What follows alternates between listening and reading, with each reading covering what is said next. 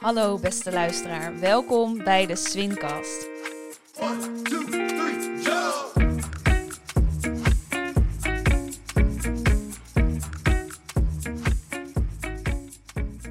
Ik ben Lianne de Bie, directeur van Swin. En mocht je denken, Swin, wat is dat? Wij zijn het Slow Food Youth Network, Swin dus. We zijn een netwerk van jonge mensen die samenwerken aan eerlijk en duurzaam voedsel. En nu denk jij, maar hoe dan? Dat is dus het mooie, dat doet iedereen in ons netwerk op zijn eigen manier. En via deze podcast wil ik jullie één voor één laten kennismaken met deze geweldige groep enthousiaste en inspirerende jonge mensen. Samen representeren deze mensen onze gezamenlijke reis naar een goed, clean en fair voedselsysteem. Vandaag is in onze studio Melissa Koorn. Ik ben heel blij dat ze er is. Eh, ik ken haar nog helemaal niet zo goed, maar ze doet hele mooie dingen. Dat zie ik wel. Ehm, vooral eh, overal voorbij komen. Ehm, maar ik heb het nog nooit echt met haar over haar werk gehad en waarom ze dat zo belangrijk vindt. En dat gaan we vandaag met haar bespreken, wat ik heel leuk vind. Melissa, welkom. Eh, wie ben je en wat doe je? Dankjewel. Uh, ik ben programmamaker en uh, ik organiseer evenementen uh, waarbij ik vooral focus op de culturele achtergrond van mensen en hun identiteit aan de hand van eten. Dat is hoe ik het bespreekbaar maak. Um, en dat kan zijn in de vorm van programma's, bijvoorbeeld in het Felix Meritus laatst.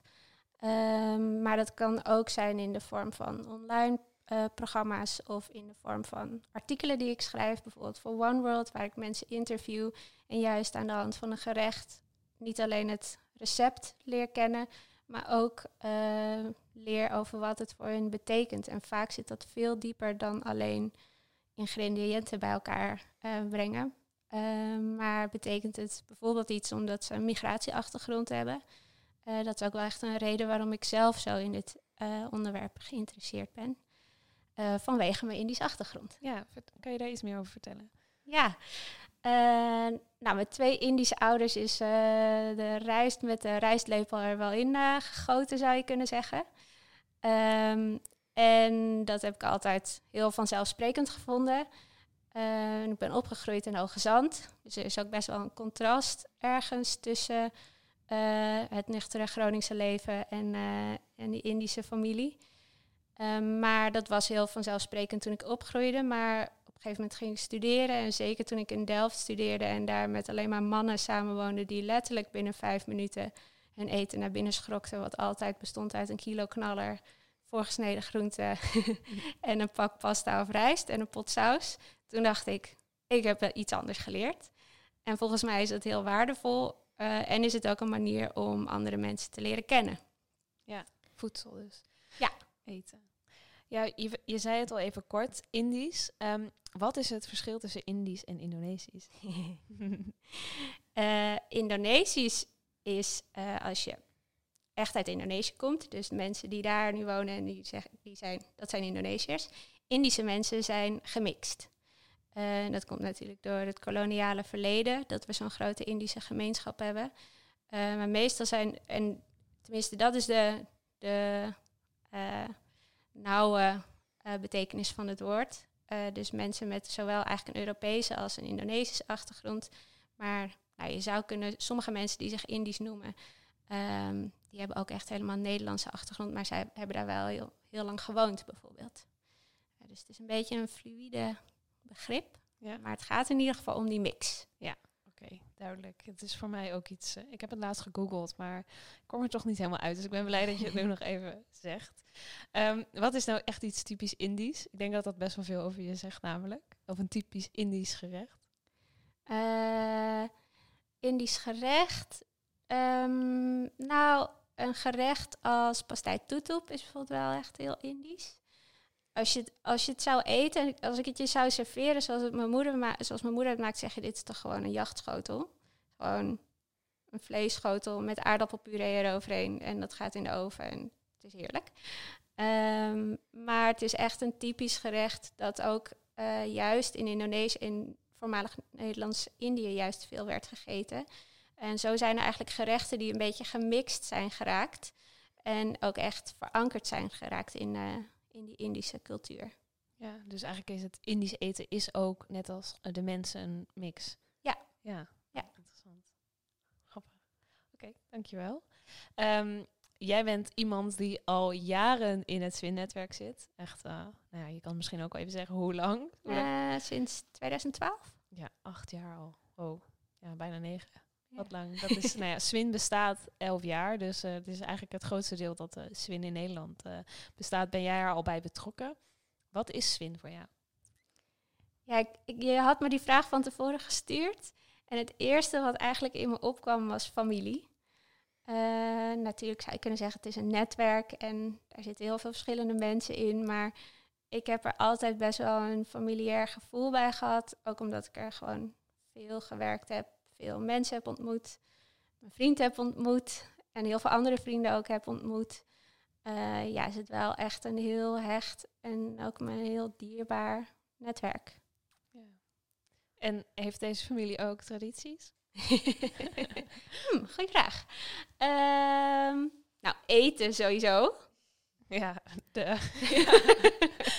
Ehm, nou ja, ik denk dat de tradities binnen de academie, bijvoorbeeld die slotdag, die openingsdag, dat zijn wel echt tradities waar het netwerk zich, denk ik, grotendeels eh, wel weer kan vinden. is wel echt een constante factor in de hele geschiedenis van, eh, van het bestaan van Food Youth Network. ja. ja. Want hoe ben jij acht jaar geleden eigenlijk eh, betrokken geraakt bij Swin?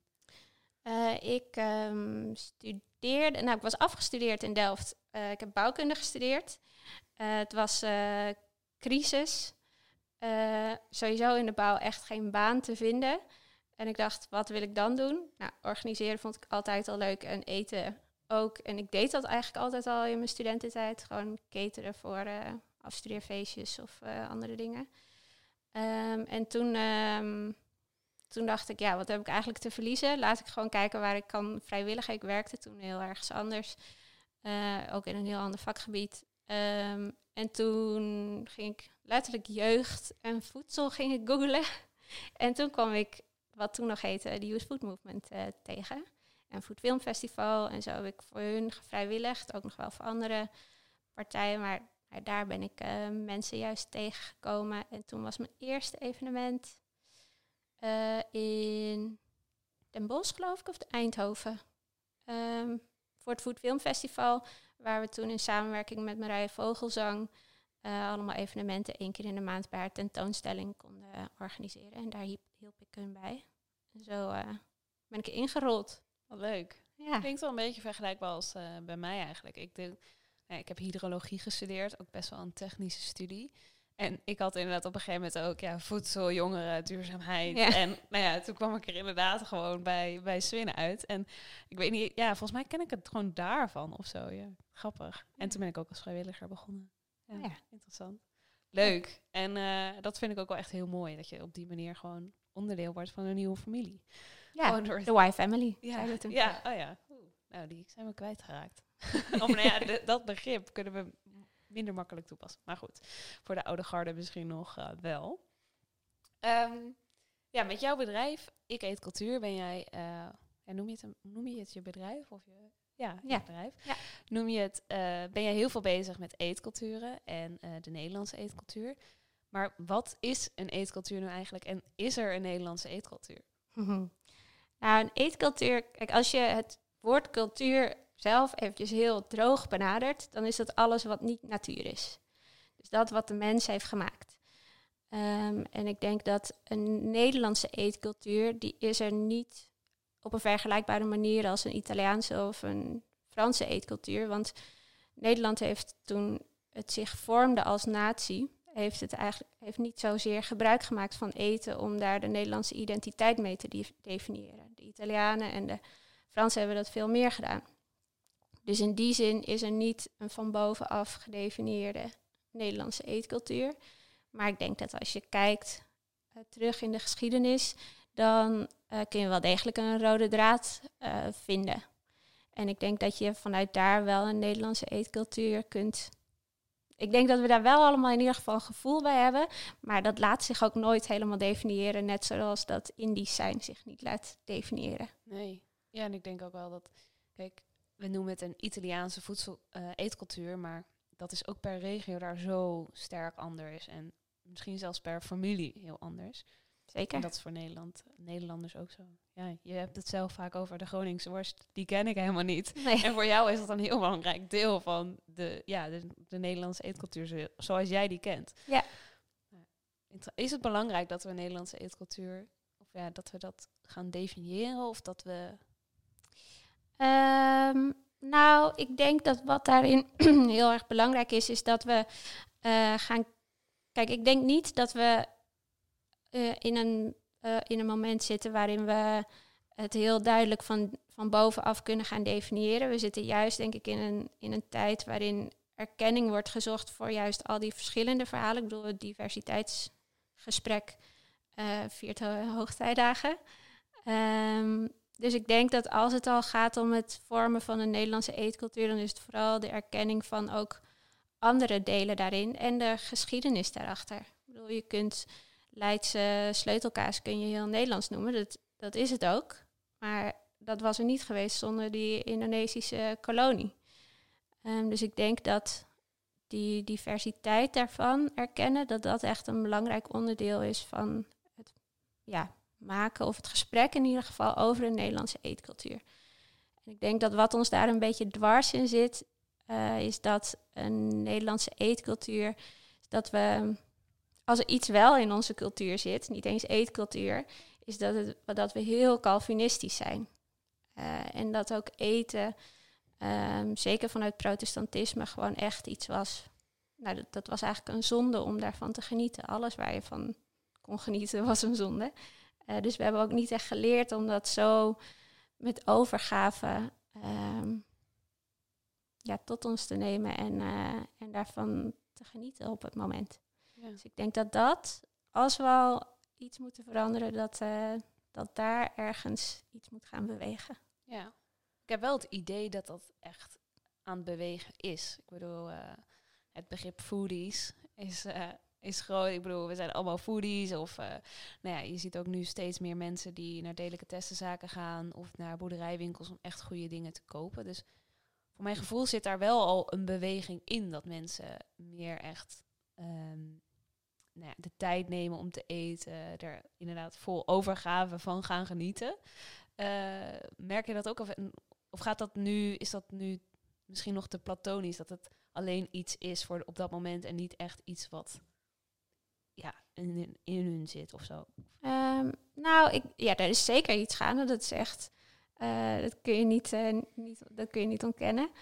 Ehm, maar ik denk, en ik denk, ook, ik denk ook dat die beweging vooral gaat over niet zozeer een cultuur, misschien eens definiëren, maar wel je eigen voedselidentiteit. Dus dat is nog veel kleiner dan gelijk een hele cultuur voor, voor 17 miljoen mensen definiëren. Ehm, en dat je nagaat wat eten voor je betekent.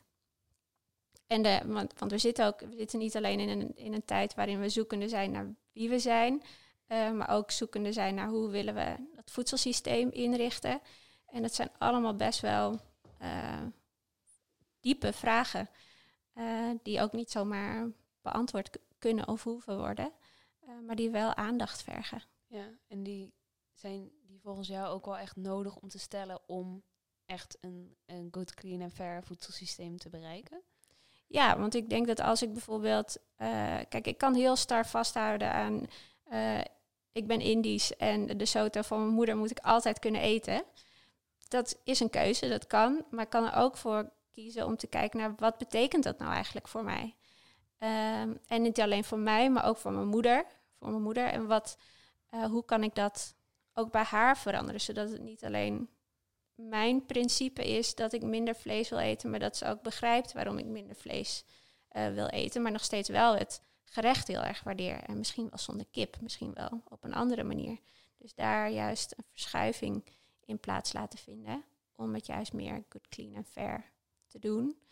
Eh, volgens mij is dat heel erg mogelijk, alleen moet je voorbij de vaste ingrediënten kijken. Ja, ja want ehm, nee, je, je spreekt al hier iets over heel iets, eh, iets Indisch en dat eh, zo'n gerecht heel diep, nou ja, het zit in, ja, gewoon bijna in je DNA, zeg maar, om daar, eh, om dat te eten en het is een belangrijk onderdeel ook van wat je moeder jou geeft en hoe ze jou, nee, ik heb dit jou vaak horen zeggen, maar ook ehm, dit is haar manier om jou, haar liefde aan jou te tonen door middel van dat gerecht. Ehm, maar ik heb het. ehm, eh, ik heb met jou hierover voorgesproken en toen vertelde je ook van. Er voelde niet altijd de ruimte om juist ook die, die culturele diversiteit in, in, in de beweging naar een beter voedselsysteem, om het daarover te kunnen hebben. Ehm, kan je daar iets meer over vertellen? Nou, ik denk dat ehm, wat ik echt een uitdaging vond was. Eh, kijk, sowieso vond ik het echt super interessant wat er allemaal gebeurde. Dus als het ging over eh, voedselverspilling of over andere onderwerpen, dan vond ik dat heel erg interessant. Wist ik haast nog niks over. Dus ik heb heel veel over het voedselsysteem geleerd. En het voedselsysteem benaderen we meestal vanuit. eh, als we kijken naar de mensen die daarin participeren, van consument tot producent. Alleen die consument, die is natuurlijk zo divers, die valt niet aan het einde in één hokje te proppen. En daar komt bij dat al die mensen in dat hele voedselsysteem zijn ook allemaal consument. Dus het is eh, een hele rationele benadering. En ik miste daar de emotie eigenlijk een beetje in. Ehm, en vooral omdat eh, zo werd. Wat ik eigenlijk miste was vooral die migratieachtergrond die ik zelf heb, of die mijn ouders eigenlijk hebben. Eh, die ging daar helemaal in verloren. En ook de meer sociaal-economische uitdagingen gingen daar eigenlijk in die, in die benadering, in dat filter, zeg maar, werden gewoon eigenlijk weggefilterd. En dat vond ik heel, heel zonde. Eh, terwijl dat wel de reden was waarom ik eh, iets met eten wilde doen. ja. Eh, Kan je daar iets meer over vertellen, dat wegfilteren? Wat bedoel je daar precies mee? Nou, ik denk dat ehm, die benadering van eh, dat duurzame voedselsysteem werd heel erg, ehm, en dat is nu gelukkig veel minder, maar werd heel erg benaderd vanuit de mensen die het daarover hadden, ook wat zij konden. Eh, en we waren zeker de groep waar we mee werkten. Ik bedoel, niet iedereen had het, had het eh, even breed of zo. Maar wel gewoon allemaal hoogopgeleide mensen die het, ja, die het gewoon goed voor, relatief goed voor elkaar hebben. Eh, en ik denk dat eten voor mijn ouders bijvoorbeeld, en ook voor mij, voor, en voor mijn oma's die ik wel gekend heb, mijn oma's, opa's niet, ehm, zo'n andere dimensie, de, betekenis van eten had nog zo'n andere dimensie waar als je geen migratieachtergrond hebt, gewoon niet aan denkt. Dat is ook heel logisch, want als je het niet hebt meegemaakt, dan is dat gewoon, kan dat gewoon een blinde vlek voor je zijn. Ehm, maar als je een land hebt verlaten en daar, ehm, dan is eten eigenlijk een van de manieren om nog, ehm, om nog bij dat gevoel van dat land te komen. Eh, eten en taal eigenlijk zijn de twee dingen. Nou, de taal spreek ik totaal niet. Eh, Oké, menus kan ik lezen. Ehm, maar eh, dat eten, daar heb ik in ieder geval een gevoel bij. Ik zal mezelf echt geen expert op de Indonesische of Indische keuken noemen, maar ik heb er wel echt een beeld bij en ik ben ermee opgegroeid. Net zoals dat heel veel mensen zijn opgegroeid met de kippensoep van hun oma. Dus ik denk ehm, dat dat gedeelte, wat dat voor, me, voor mij betekende, ehm, en ook voor mijn ouders, want ik vond het bijvoorbeeld heel moeilijk om met mijn ouders te praten over wat ik deed. Ze waren heel trots, zijn nog steeds heel erg trots. Ehm, maar uitleggen wat ik nu precies deed, eh, of dat we het over voedselverspilling gingen hebben, dan, ja, ik bedoel, dat was zo vanzelfsprekend voor ons om niet voedsel te verspillen en om gewoon daar iets creatiefs mee te doen. Daar, dat vonden we eigenlijk alleen maar leuk. Eh, dus die, die gesprekken, die, die landen niet echt. Ehm, dus ik zocht eigenlijk echt een andere manier om, eh, om het daarover te hebben met mensen. Ja, en heb je die gevonden? Ja, ik denk dat vooral focussen op het individu en veel meer de emotie en betekenis van eten opzoeken, dat dat echt de manier is om ook iemand persoonlijk echt te zien voor wie die is, in plaats van die gelijk, gelijk te zoeken naar wat is de rol van diegene in het voedselsysteem. Ja, en ja, ik vind het, ik denk dat het heel mooi is om op het individu ehm, met elkaar in gesprek te gaan. Maar hoe gaan we 17 miljoen mensen zo meenemen, zeg maar? Dat, ja, hoe, ja. Ehm, nou, ik denk dat is inderdaad een goede vraag. Eh, maar ik denk dat er heel erg behoefte is aan eh, erkenning en de verschillende verhalen. dus hoe we dat precies gaan doen, ja, dat is me eigenlijk ook nog best wel een raadsel. Eh, maar ik, ik voel wel dat, het, dat er nu echt behoefte is aan het zoeken naar of het uitspreken van ieders eigen verhalen en de diversiteit daarvan. Ja.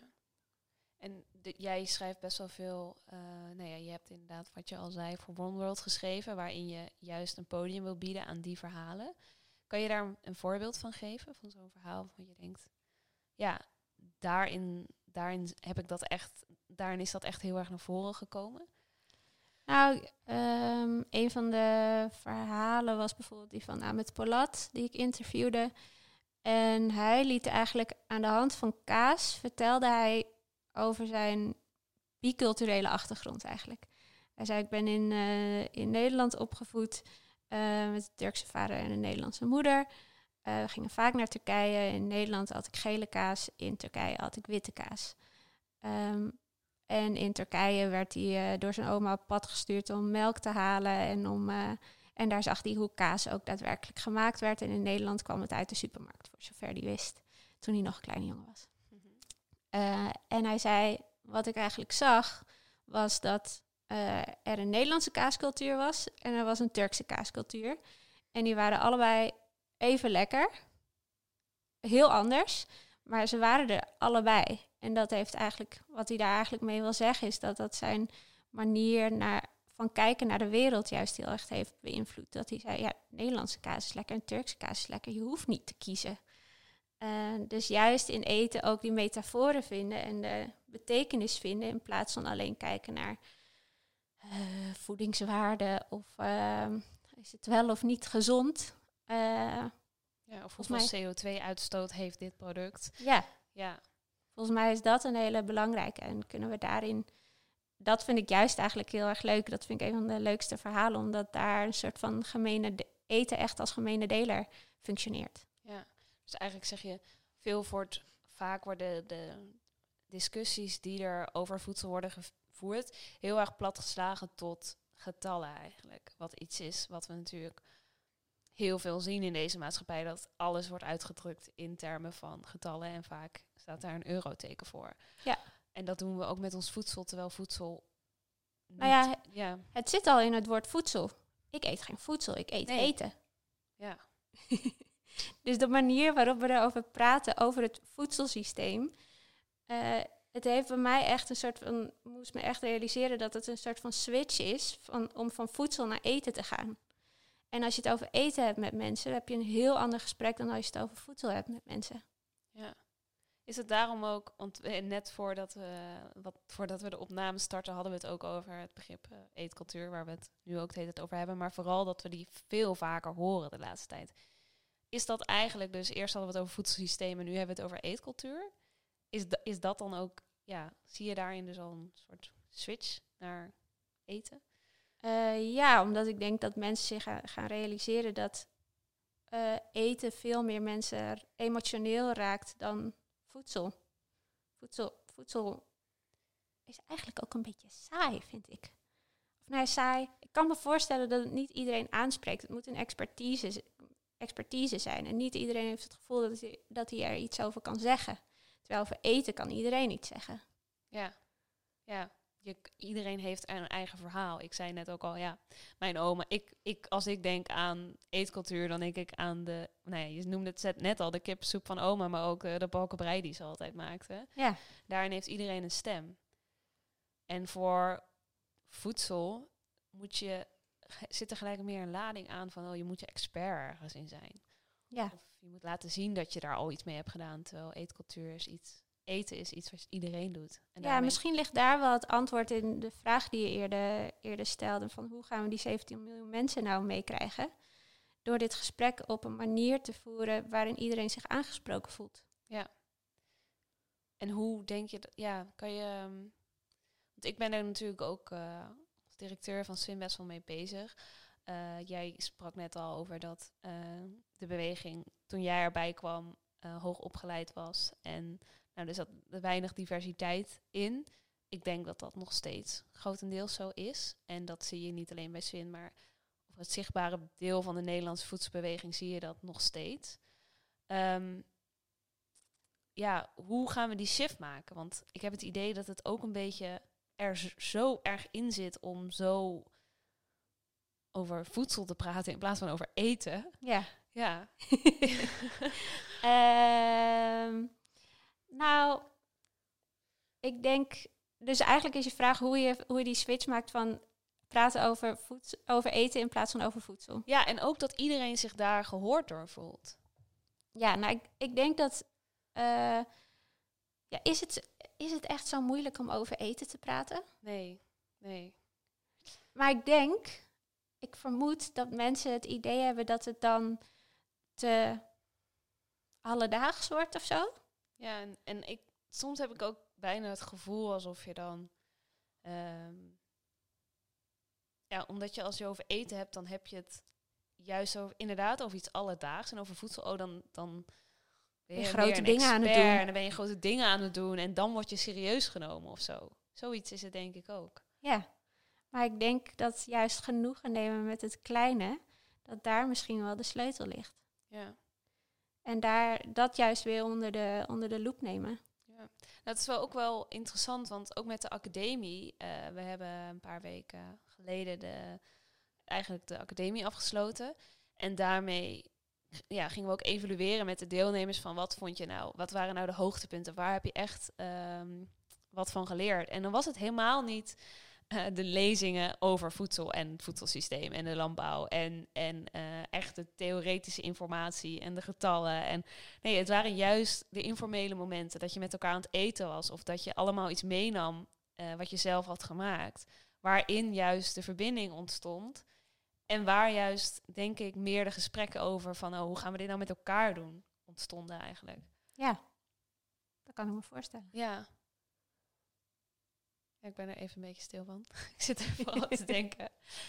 En hoe, eh, hoe creëren we meer van dat soort momenten? Maar ook, ik denk ook wel, kijk, ehm, dat soort momenten creëren we dus al. Maar hoe krijgen we meer mensen daarbij ook? Want we stralen toch nog iets verkeerds uit, denk ik. Zijn, is het al omdat we onze Nederlandse voedselbeweging noemen in plaats van een Nederlandse eetbeweging? Of Mm, nee, alleen ik denk dat. ehm, ik denk dat het verschil. Wat het misschien ehm, moeilijk maakt, is dat als je het over eten gaat hebben, ga je het ook op heel persoonlijk niveau over mensen hebben. En je, je raakt mensen bijna letterlijk en figuurlijk aan. En dat vinden mensen heel eng. Zowel om aangeraakt te worden als mensen zelf aan te raken. En dan bedoel ik niet gewoon, ik, ik raak nu je arm aan, maar ik bedoel echt gewoon om diepe gesprekken met iemand te hebben. Terwijl het voedselsysteem is gewoon is heerlijk om over te praten. Het is super afstandelijk. Het is een, je kunt erop projecteren wat je wil. Eh, maar het is niet vast te pakken. Terwijl die mensen waar je mee praat en de gerechten die je, die je met ze deelt, eh, die, zijn, die neem je letterlijk tot je. Dat is het meest intieme wat je kunt doen. Dus juist die intimiteit, die intimiteit opzoeken en dus niet gewoon over eten. Oh, waar, waar haal je dit vandaan of waar haal je dat vandaan? Maar uiteindelijk, als je door gaat vragen, ga je het hebben over. Je komt vanzelf op diepere, diepere gesprekken. Ik vind het altijd superleuk op vakantie om gewoon ergens naar een boer te gaan of mensen te spreken over. eh, als ze een gerecht hebben gemaakt, waar komt dit vandaan? Je, je hebt het heel gauw over landbouw of waar mensen vandaan komen. Je kunt hele voorstellingen maken van hoe een landschap eruit ziet. Eh, je kunt voorstellingen maken van hoe mensen leven. Ehm, dat is juist denk ik heel erg belangrijk om dat meer te gaan zien. ja. Dus dan is eten al- alleen maar een middel om een beter leven in het algemeen te maken, dan dat het eh, verbeteren van het voedselsysteem een doel op zichzelf wordt. Want het voedselsysteem is verbonden met de hele wereld. Het is geen, het is geen los, eh, losgeweekt stukje van de wereld wat we kunnen oplossen en dan door naar de volgende puzzel. Nee, het is juist iets wat verweven is met alles. Ja, en waar we ook, wat we ook constant zien. Ja, en waarom verandering denk ik ook een, eh, iets lastigs is. Zeker. Ja. Terwijl het ook weer zo dichtbij is. Want ik bedoel, je eet eh, drie keer op een dag en elke, elke moment heb je weer een eigen keuze om daarin iets anders te doen. Ja. ja. En zie je ook in de oplossingen die er zijn, dus je ziet nu heel veel eh, producten die ook eh, nou ja, vervanger, vleesvervangers zijn? Of een, zie je daarin ook ehm, dat dat inclusief is? Of is dat ook weer alleen maar vooral voor eh, de vleesvervanger dan een hamburger of een vleesvervanger voor een gehaktbal? Zie jij ook vleesvervangers die je bijvoorbeeld in de Indische keuken zou kunnen toepassen? Of is dat niet echt? Eh, ja, maar je ziet het ook andersom. Bedoel, jackfruit, nangka in het Indonesisch, is nu zo populair als het maar zijn kan. Maar ja, ik, en het werd een beetje gepresenteerd als we hebben iets nieuws ontdekt. Eh, terwijl ik eet het echt al van kleins af aan. Mm, Ja, ik eet zowel de rijpe versie die zoet is, als de jonge versie die dus niet zoet is. En die nu dus waar rendang van gemaakt wordt of allerlei andere gerechten. Ehm, dus een vleesvervanger is niet zozeer eh, iets alleen maar heel erg westers. Eh, het wordt juist door heel veel mensen gegeten. Ik bedoel, vlees is juist iets wat voor heel veel mensen een luxe was. In ieder geval als het niet nog steeds een luxe voor ze is. Dus er zijn er heel veel alternatieven voor. Ja, dus we kunnen eigenlijk ook heel veel leren door veel meer met eetculturen bezig te zijn. Zeker. Ja, omdat daar nog heel veel kennis zit van hoe je dit waarschijnlijk ook een, misschien op een meer natuurlijke manier dingen kan vervangen dan Ja, een chemische fabriek te bouwen. Of nou ja, chemisch, een fabriek te bouwen om daar een vleesvervanger uit te persen. Terwijl jackfruit aan een boom groeit en tempeh gewoon ouder, ouderwets. Oké, ik deed eh, van die dingetjes in de lucht. eh, ouderwets eh, fermenteren is, zeg maar. Ja. Ja, en ik denk dat daar juist zoeken naar hoe, ehm, hoe kunnen we dat op een manier doen waar niet alleen maar weer westerse bedrijven heel veel winst mee gaan verdienen. eh, maar juist die kennis ook halen bij de mensen die daar ook al jaren en jaren, eh, als niet generaties, daar tijd en geld in investeren. Om die daar ook bij te betrekken. Ja, ik heb gisteren toevallig een podcast geluisterd van onze eh, van het Slow Food Youth Network Global, die daar inderdaad ook mee in gesprek gaan met eh, inheemse mensen, die eigenlijk ook zoveel oplossingen hebben voor hoe ga je goed om met het land en hoe ga je goed om met bossen en hoe hou je daar je voedsel uit zonder dat je daar iets hoeft te vernietigen. Ja. Waar zoveel kennis zit en we lijken het een soort van weg te duwen, nou ja, naar de randen van onze maatschappij te sturen. Dat is Ja, en ook dat gaat natuurlijk weer over een manier waarop we erover praten. Ja. Ehm, en ik denk dat dat juist het heel erg interessant maakt. En het heeft, het heeft uiteindelijk hebben heel veel van deze onderwerpen ook met een koloniale geschiedenis te maken waar we mee moeten dealen. Wat zeker Nederland, als je kijkt naar andere westerse landen, echt super lastig vindt. Ehm, maar het is verweven, het is ontzettend verweven met het, met het voedselsysteem en met ons eten. Ja. Dus Ja. dat is bijna niet te ontkennen. Ja. Ik krijg wel heel veel, ehm, heel veel energie en zin in, de, in, in eigenlijk die zoektocht. Naar zoveel kennis wat er is. Gewoon waarmee we waarschijnlijk best wel simpel, ja niet simpel, maar gewoon dingen kunnen oplossen waar we nu heel moeilijk over denken. Juist omdat we het voedsel blijven noemen in plaats van op zoek gaan naar eten. Ja. Ja. Ja. ik denk dat die, dat die oplossingen er inderdaad zijn. En de kunst is volgens mij om dat op een manier te doen eh, waarin we ook de mensen die juist die kennis brengen, juist in een, nog meer in hun kracht gaan zetten. In plaats van het naar onze hand helemaal te zetten. Ja, dankjewel. Ik ben erg eh, geïnspireerd geraakt. Ehm, ja, en aansluitend op eh, ons gesprek heb ik ook nog wat andere vragen voor je. Ehm, wat is een plek in Nederland waar, waar, je dit, waar je dit misschien al wel ziet? Dit, dit eh, gesprek over eetcultuur of een, een plek waar, waar die mensen zouden moeten opzoeken die nu naar jouw verhaal luisteren. Mm, nou, ja, echt, ik zou een, echt een plek waar je heen. Ik vond dat best wel een moeilijke vraag eigenlijk. Maar de, de, mijn antwoord dat ik, wat ik had bedacht was: ik vind eigenlijk dat mensen meer naar toko's moeten en niet soort van geïntimideerd hoeven te raken over wat is dit allemaal.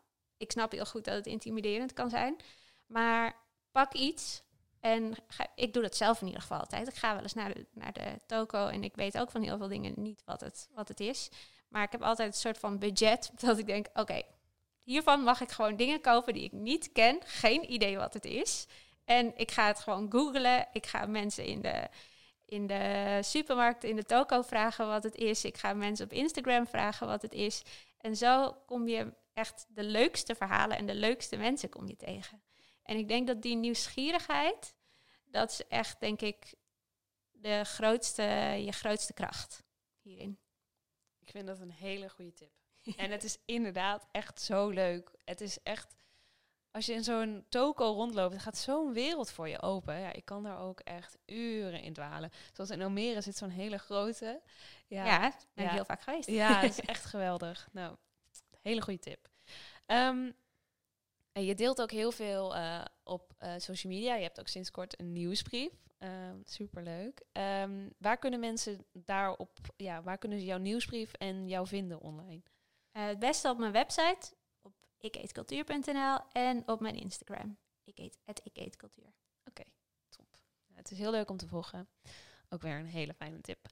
En eh, tot slot, ehm, uiteindelijk is de kracht, denk ik, van netwerk of familie, zoals je dat zegt, dat, ehm, ja, dat we elkaar kunnen vinden en dat we elkaar kunnen helpen en zo samen nog verder komen dan dat we alleen zouden doen.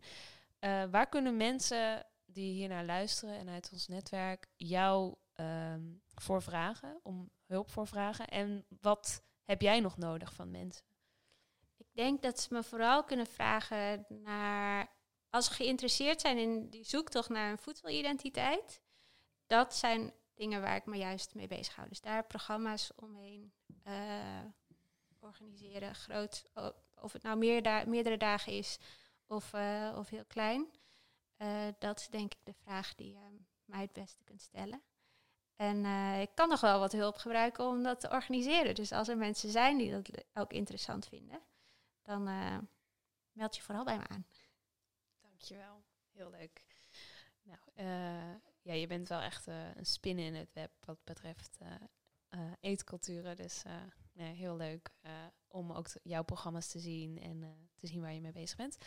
Ehm, heel erg bedankt. Ik, Jij eh, ook. Ja, was Superleuk gesprek. super- Ja, ik vond het ook heel leuk en ik heb weer heel veel geleerd. En ik hoop eh, de luisteraars, eh, dat de luisteraars er net zoveel van hebben genoten als dat ik heb gedaan.